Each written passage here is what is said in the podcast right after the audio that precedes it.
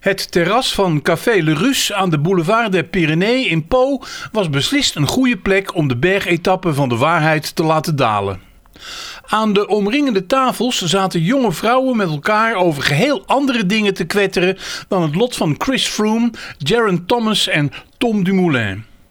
Ik was gaan zitten met een licht gevoel van deceptie. In de vooraf als flitsend opgehemelde etappe had het maar kort echt gedonderd. In het kortstondige onweer aan aanvallen kreeg Chris Froome klop. Niet van een toeschouwer, maar door een rake versnelling van Tom Dumoulin, de Nederlandse publieksheld die Thomas op het laatst niet meer kon bijbenen.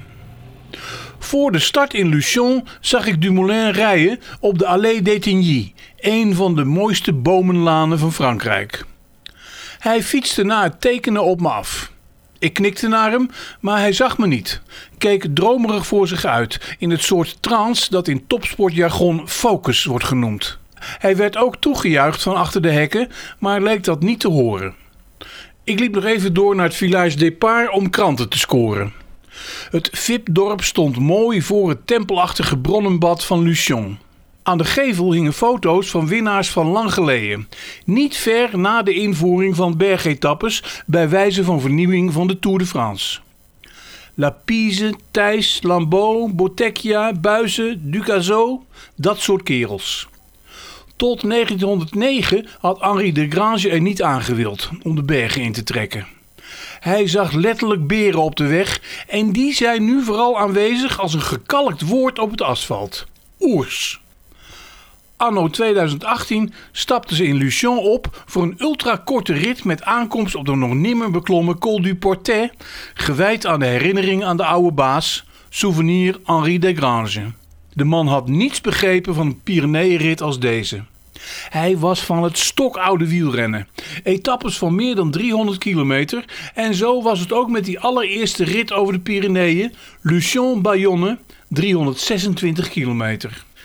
Zie ik Desgrange in het Village Départ van Luchon samen met Christian Prudhomme?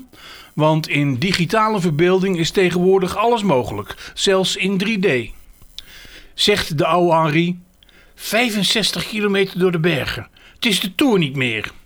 Prudhomme met zijn grijns, dat klopt. Dit is de Tour van nu. De Grange weer. Waar is het verhaal dan? De heroïek van honderden kilometers met bergen erin. Dat was nog nooit vertoond. Prudhomme, met alle respect, dat is passé. U moest Loto verkopen, uw krant. Wij zijn op televisie. Au revoir la nuit. Weg met de verveling. De Grange schudde zijn hoofd en zei: Is er dan niets meer van de verbeelding over?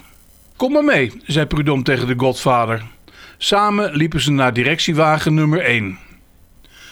Ik ben de Peragude opgereden en heb de komst van de eerste koploper afgewacht. Tanel Kangert, de nummer 125 van Astana, held van Vendra, Estland.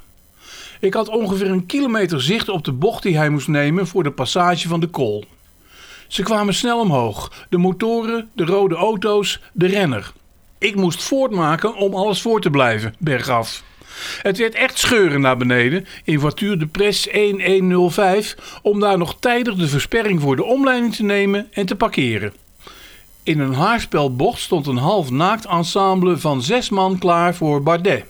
Zijn naam buik voor buik gespeld. Dumoulin kwam geconcentreerd sturend langs in de slipstream van Sky, Jaron Thomas in het geel voorop. In Aro, morgen doorkomst aan de voet van de Aspin, hing de rust van een vakantiedag. Historisch dorp met klaterbeek en vakwerkhuizen. Ik liep er binnen in Bar Le Londres. Er zaten genoeg mannen bijeen. De slager van de overkant was er ook, met zicht op zijn vlees. Ze waren niet geïnteresseerd in de nieuwe ontwikkelingen rond Alexandre Benalla, de loshandig omhooggevallen beschermgorilla van president Macron. Er was iets belangrijkers te doen: naar de tour kijken. Ze lieten verschrikt gejoel horen toen ze zagen dat Romain Bardet moest lossen. Ze gaven geen kick bij wat er gebeurde met nog twee kilometer te gaan. De aanval van Roglic, de reactie van Dumoulin, de onmacht van Froome, de overmacht van Thomas daarna. Het was goed om de Tour te zien in Le Londres.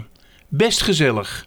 Maar voor Henri de Grange had het beter gekund. Spannender, heroïscher, bij wijze van herinnering. Wat nu volgt is een onnozel soort rustdag op de fiets naar Po vanuit het debuterende startplaatsje Tri-sur-Baïse, een dommelige bastide die door de Tour zomaar grote bekendheid krijgt. Ze zullen het er vooral hebben over de dag van morgen met de Tourmalet en de Obisque nog te gaan. De ontvangst voor de gasten is in de Al au Port, de varkensmarkt.